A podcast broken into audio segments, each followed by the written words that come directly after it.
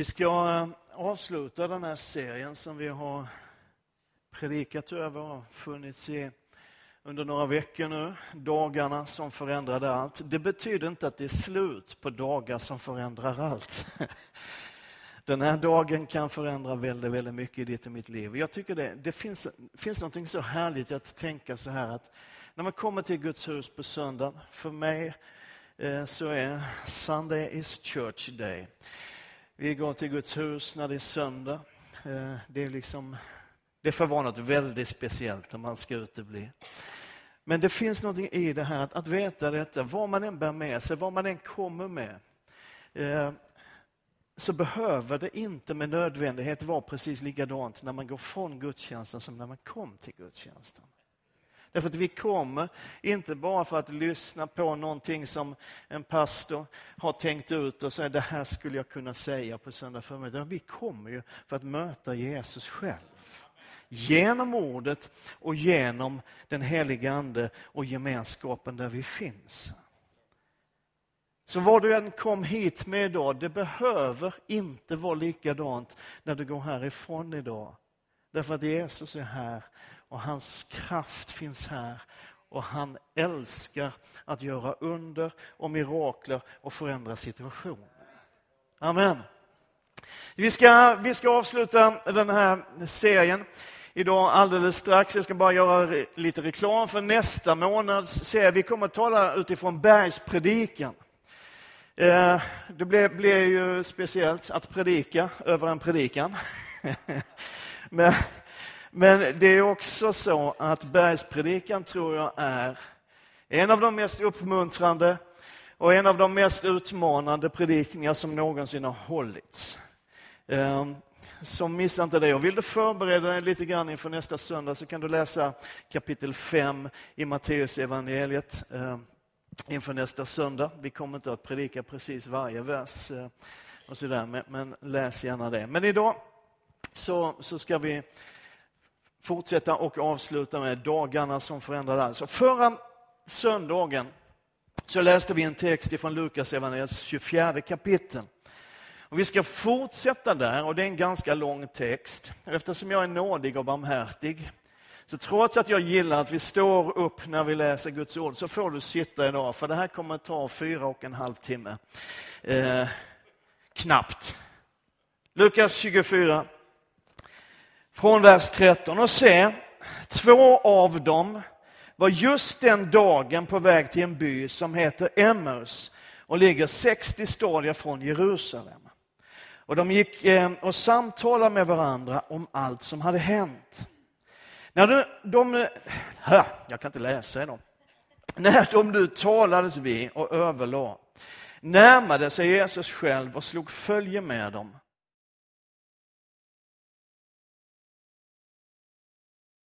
Han frågade dem, vad är det ni samtalar om? Då stannade de och såg bedrövade ut.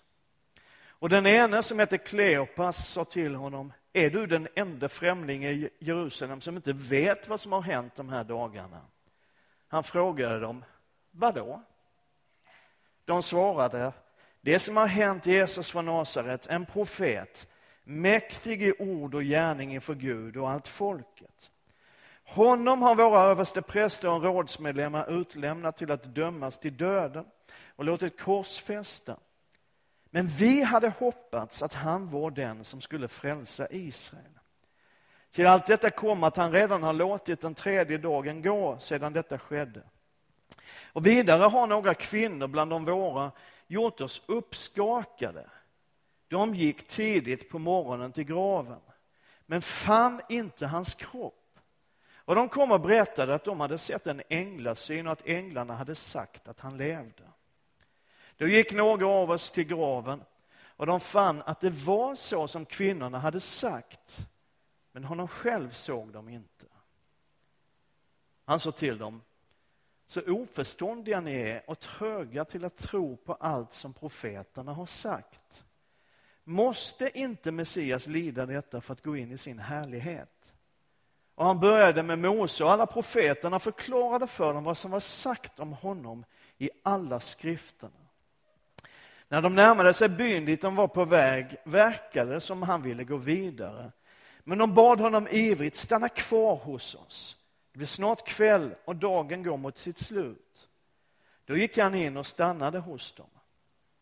Och när han låg till bords med dem tog han brödet, tackade Gud, bröt det och räckte åt dem. Då öppnades deras ögon och de kände igen honom, men han försvann ur deras åsyn. Och de sa till varandra, brann inte våra hjärtan när han talade med oss på vägen och öppnade skrifterna för oss. De bröt genast upp och vände tillbaka till Jerusalem, där de fann de elva och de andra lärjungarna församlade. Och dessa sa, Herren har verkligen uppstått och han har visat sig för Simon. Och själva berättade de vad som hade hänt på vägen och hur han blev igenkänd av dem när han bröt brödet. Amen. Jag vet inte om du har tänkt på, men evangelierna innehåller förvånansvärt lite, skulle man kunna säga, om det som hände efter uppståndelsen. Matteus, och Markus och Lukas skriver ett kapitel var. Även om ju sedan Lukas fortsätter med 28 kapitel till, eller vad det är, i Apostlagärningarna. Men, men just där i evangeliet är det ett, eh, ett kapitel. Och Johannes är den som skriver mest. Han har två kapitel om händelserna efter Jesu uppståndelse.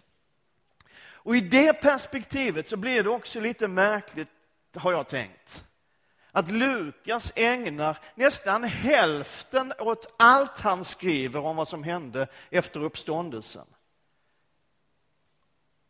Åt den här berättelsen om två män som är på väg bort från Jerusalem.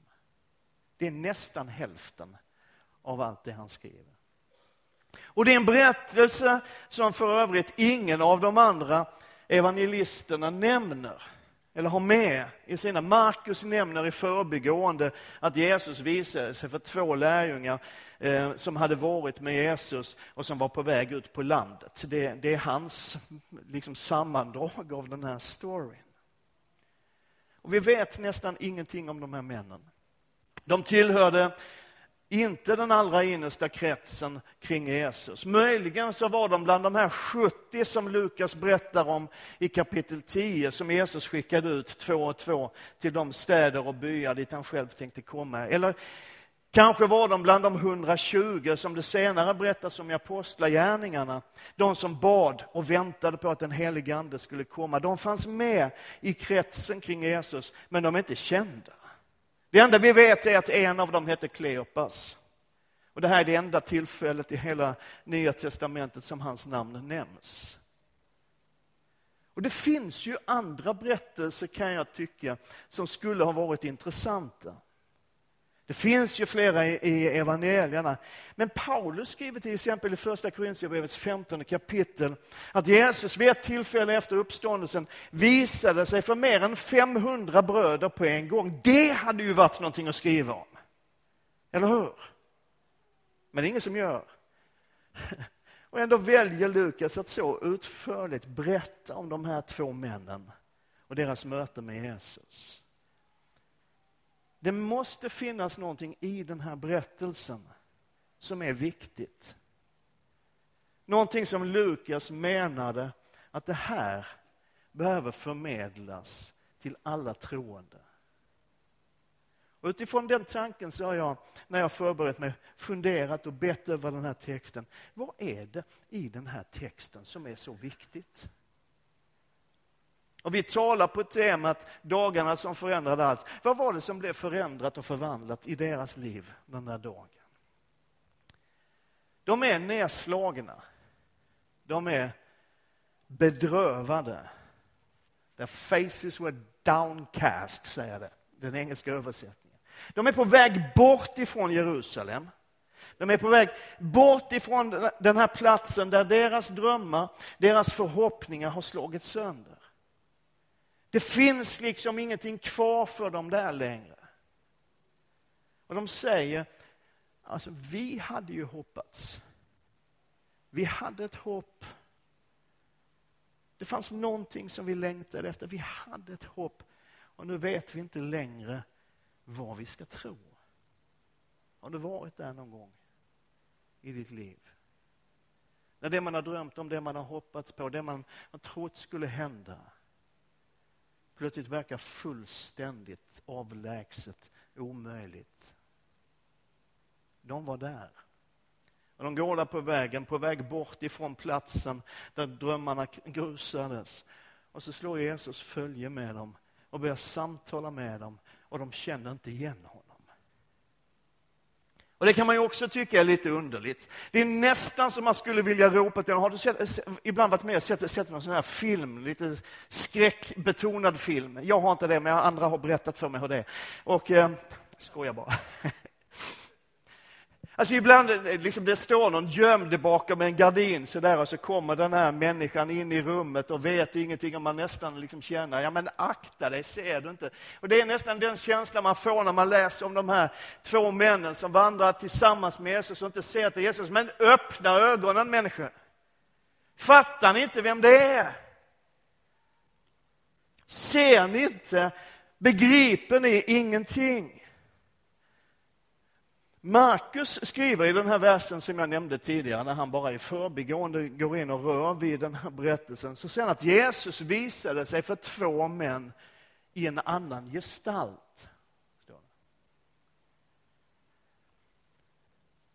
Vet, Johannes berättar om att Maria från Magdala, när hon möter Jesus utanför graven, inte hon heller förstår att det är Jesus hon möter. Hon tror att det är trädgårdsmästaren.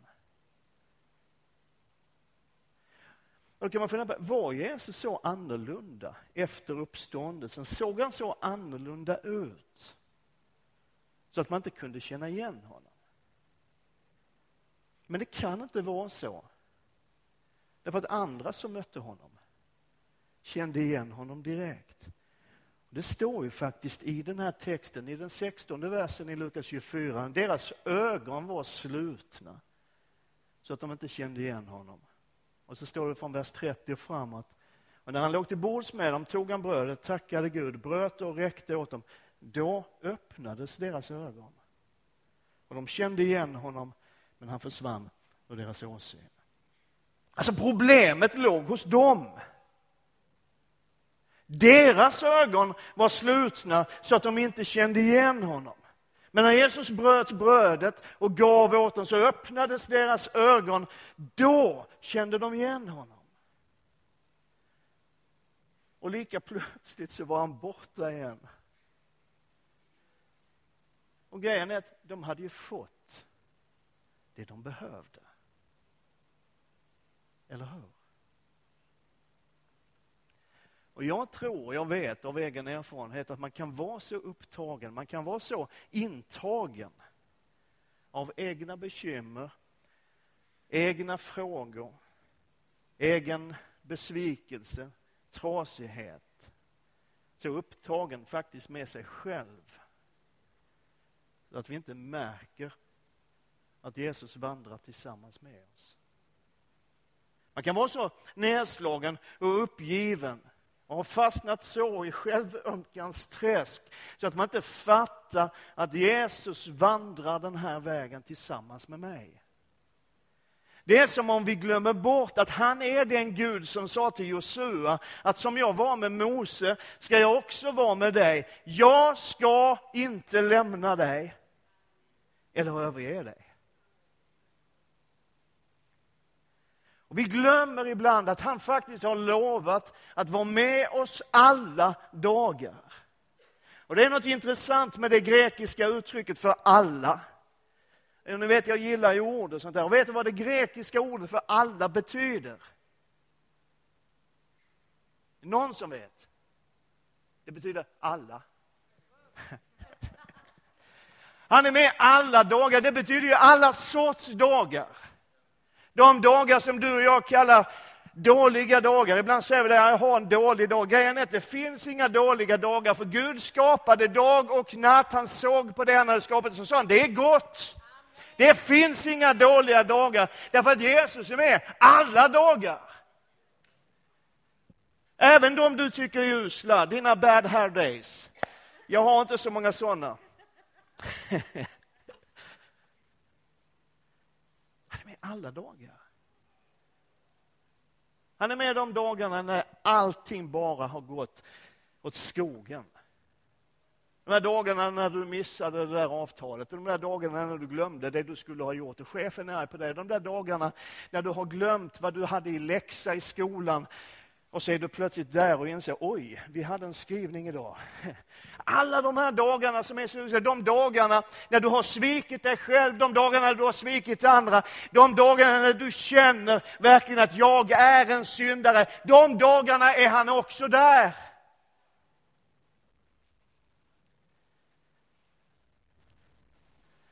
De dagarna när du och jag har gjort bort oss fullständigt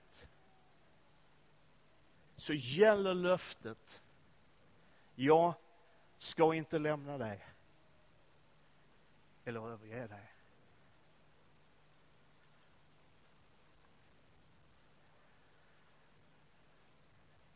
Och vi glömmer det, att han har lovat vara med oss alla dagar.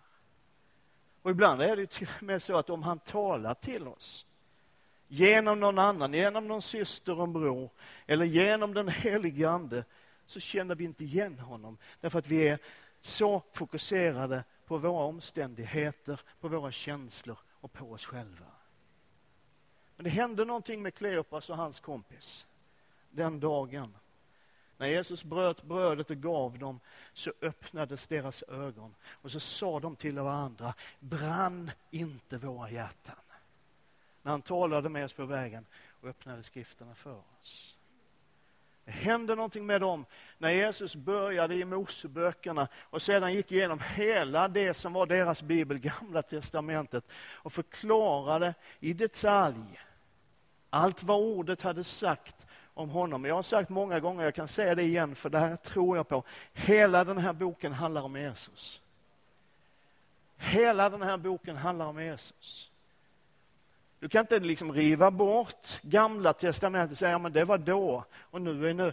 Gamla testamentet handlar om Jesus, pekar mot Jesus. Och Jesus, tänk, tänk att få lyssna på den undervisningen när Jesus själv berättar vad Gamla testamentet säger om honom. Wow! Det hände någonting med dem. Någonting blev förvandlat i dem när de inser att allt det som de hade varit med om de senaste dagarna var i enlighet med skrifterna. Det hade inte hänt någonting som inte var tänkt att hända. Det hade inte dykt upp någonting som inte skrifterna hade sagt skulle hända. Och den dagen så gick de från bedrövelse till brinnande hjärtan. Det är ju någonting som förvandlas den dagen, eller hur? Från nederlag, besvikelse, uppgivenhet till ett hjärta som brinner. Jag tror att det är därför som Lukas skriver så detaljerat om den här dagen, den här händelsen. Därför att de där dagarna som vi har talat om den här månaden. Palmsöndagen, torsdagsnatten i ett semane, långfredagen när Jesus dör och påskdagen när han uppstår igen. De är ju verkligen dagarna som förändrade allt. Och de är det i ett globalt perspektiv, i ett universumperspektiv. Där hela skapelsen under de dagarna blir befriade från mörkrets välde. Wow! Då under de här dagarna som vi har sysslat med den här månaden, de, under de dagarna skapas det nya förbundet. Eller instiftas det nya förbundet. De dagarna blev din och min synd försonad. De dagarna öppnades vägen in i det allra heligaste. De dagarna gjorde det möjligt för oss människor, för dig och mig, att bli frälsta, att bli Guds barn. Vi fick tillträde till Guds tron. Men här är grejen. Att för att allt detta globala och världsomspännande ska få någon betydelse för mig så behöver detta storslagna, detta magnifika, världsomspännande evangelium få landa i min vardag. Då behöver det få drabba min vandring. Och det behöver få öppna mina ögon och sätta mitt hjärta i brand. Och Jag tror att Lukas vill lyfta just det och peka på det. Att det storslagna globala evangeliet också är personligt. Att det handlar om dig och mig. Vet, när Paulus skriver i första Korintierbrevet om alla de som såg Jesus efter uppståndelsen. Alla de för vilka evangeliet blivit en levande erfarenhet och verklighet. Så nämner han hur Jesus visar sig för Kefas, eller Petrus, det är samma person, och för alla apostlarna. Och sen för mer än 500 bröder på en gång, som vi sa. Och sen för Jakob, Jesu bror. Och sen för alla apostlarna igen. Och så slutar Paulus den uppräkningen, som inte är Heltäckande, men dock en bit av, av alla de som fick möta Jesus efter uppstånden. Och så slutar han uppräkningen med det här. Och allra sist, allra sist visade han sig också för mig. Wow. Och där någonstans behöver påskens budskap, där behöver dagarna som förändrade allt få landa i ditt och mitt liv. Att du och jag får uppenbarelse i våra hjärtan, i vår ande, i vår vardag. Att han lever för mig också. Vet, evangeliet, hela skriften presenterar Guds stora räddningsplan för hela mänskligheten och hela skapelsen. Men evangeliet är också personligt. Och du är så inkluderad i Guds räddningsplan, i Guds frälsningsplan, att Jesus slår följe med dig också på din vandring. Precis som han gjorde med Kleopas och hans vän. Och de här männen fick ett personligt möte med den uppståndne och det fanns ett syfte med det mötet. Jesus hade en plan. Och det fanns en anledning att Jesus slog följe med dem på vägen. Vet, ibland så sätter vi det individuella mot gruppen. Jag gör det själv. Det händer att jag själv gör det därför att jag ibland tycker att vi inom frikyrkan, speciellt vi som är pingstvänner och EFK-are, du kommer inte undan du heller. Alltså någonstans ibland allt för mycket har betonat det individuella. Det är jag och Jesus.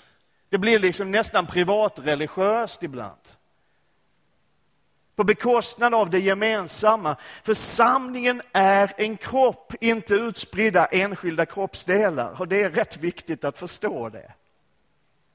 Men egentligen finns det ingen motsättning. Därför att det personliga och det gemensamma hör ihop.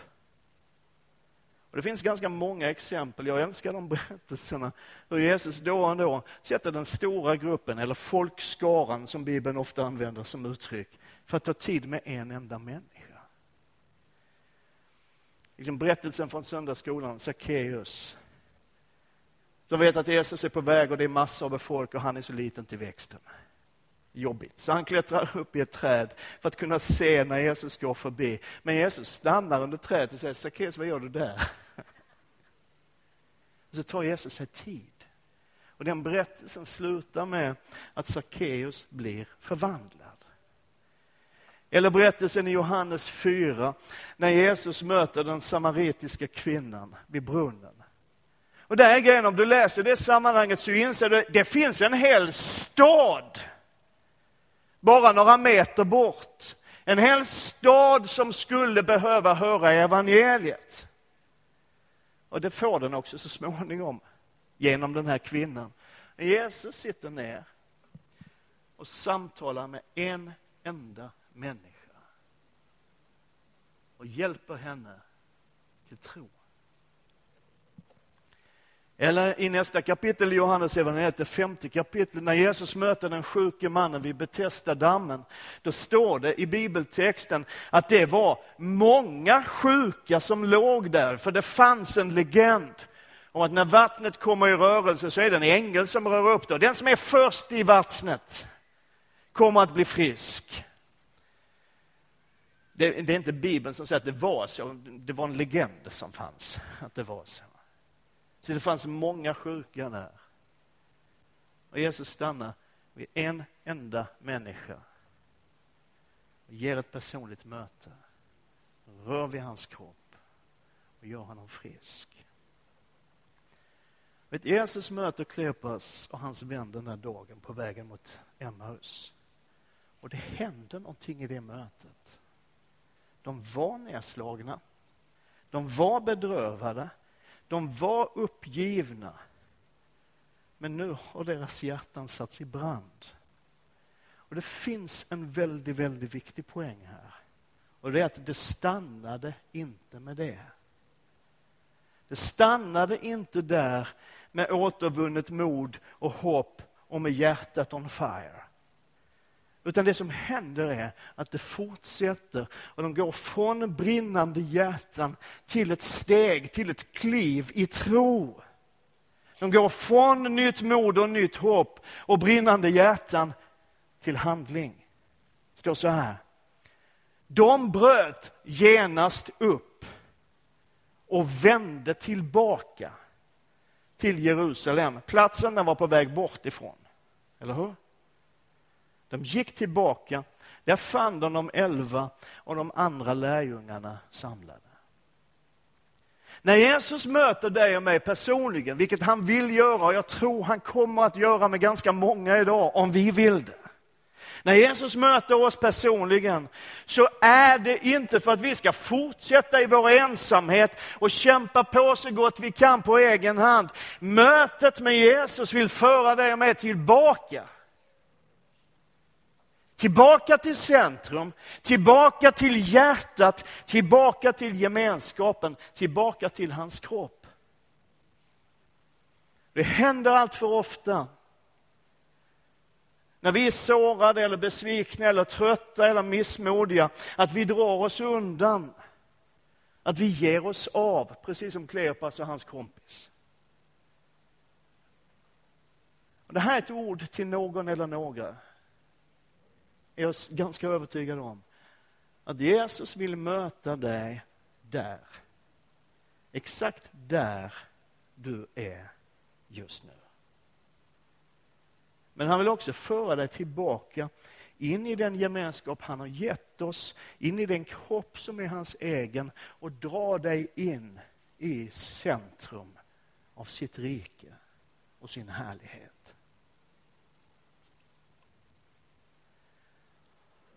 Och om man tänker efter så, så är den här berättelsen som vi har läst idag en ganska perfekt illustration av någonting som Jesus sa. Eller det är en tillämpning av en liknelse som Jesus berättade.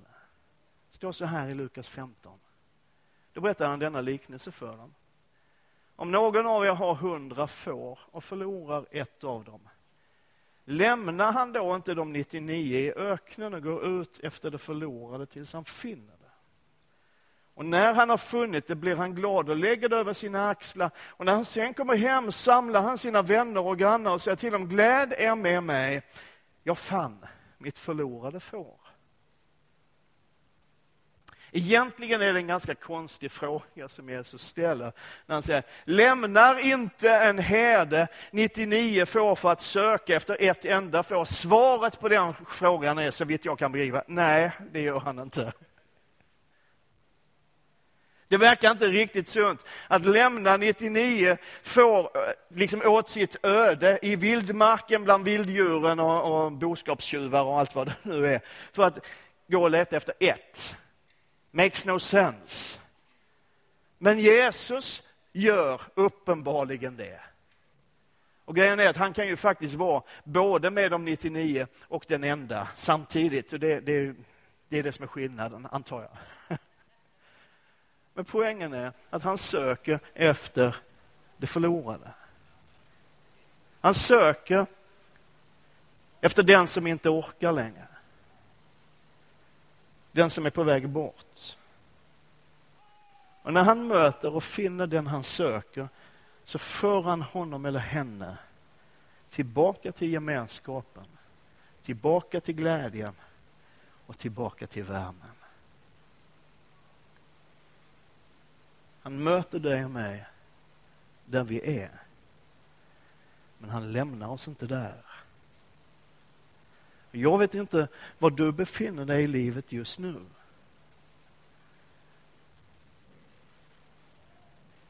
Men det jag vet det är att Jesus har slagit följe med dig. Och han har gått där hela tiden.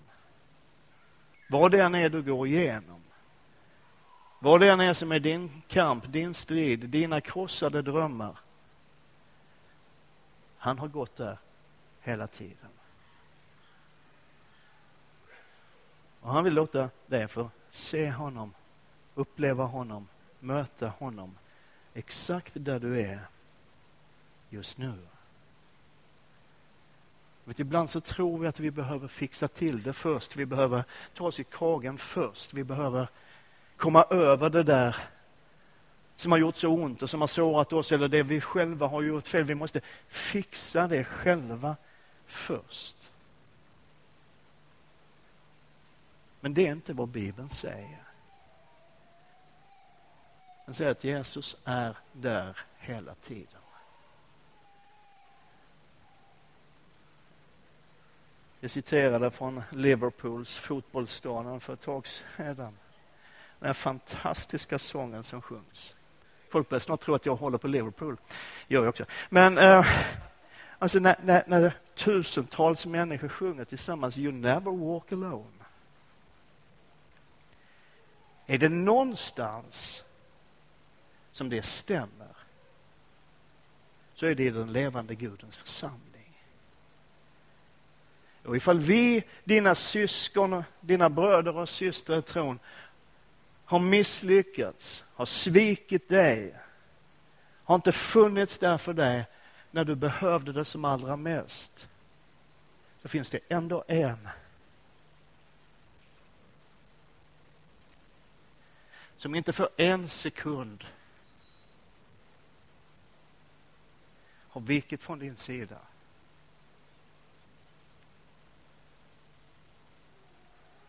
You never walk alone. Du vandrar aldrig ensam.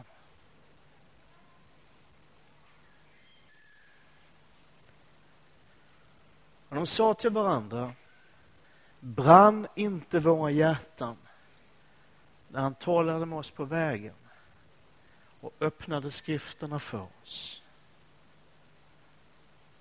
De bröt genast upp och vände tillbaka till Jerusalem där de fann de elva och de andra lärjungarna församlade. Ska ni komma upp lovsångarna?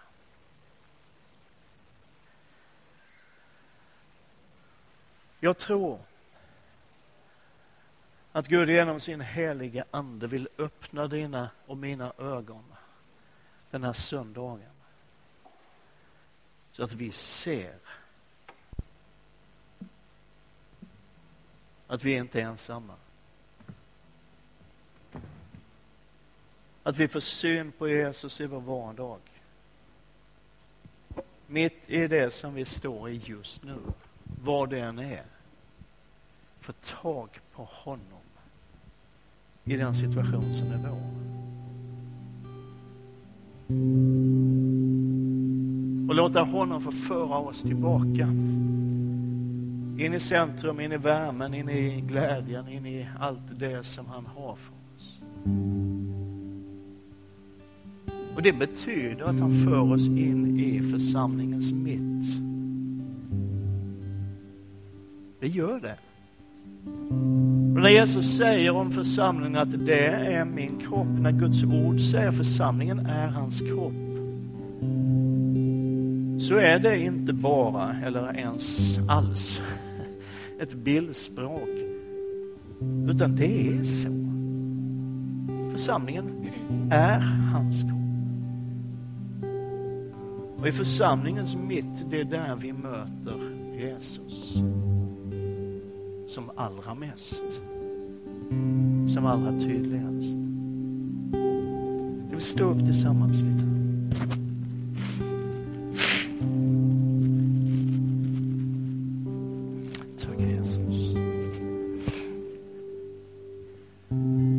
Jag sa, jag har ju ingen aning om var du befinner dig. För många av oss är allt toppen, har aldrig mått bättre. Och det, är, det är ju underbart. Men du vet, vi är en församling som är, vi är en församling som är på riktigt. Vi låtsas inte i ena kyrkan. Och därför säger vi som det är, ibland så är det inte toppen. Ibland är vi sårade, ibland är, känner vi oss svikna, ibland har vi själva misslyckats. Det kan vara så mycket som stör i våra liv. Vi skäms inte för, inte ett ögonblick skäms vi för att säga som det är. Det är så ibland. Och även om du inte tror det så är det faktiskt så för oss alla ibland.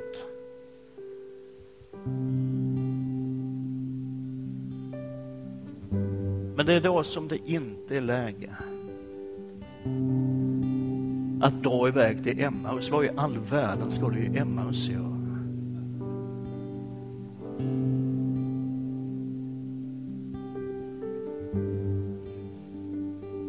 Utan vi möter Jesus. Och sen går vi tillbaka till centrum.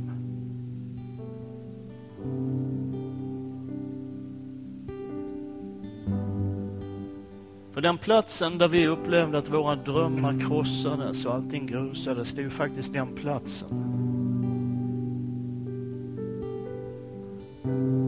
som födde hoppet, som bär hoppet, som är hoppet. Vi ska göra så här just nu, om du vill. Det är ganska frivilligt.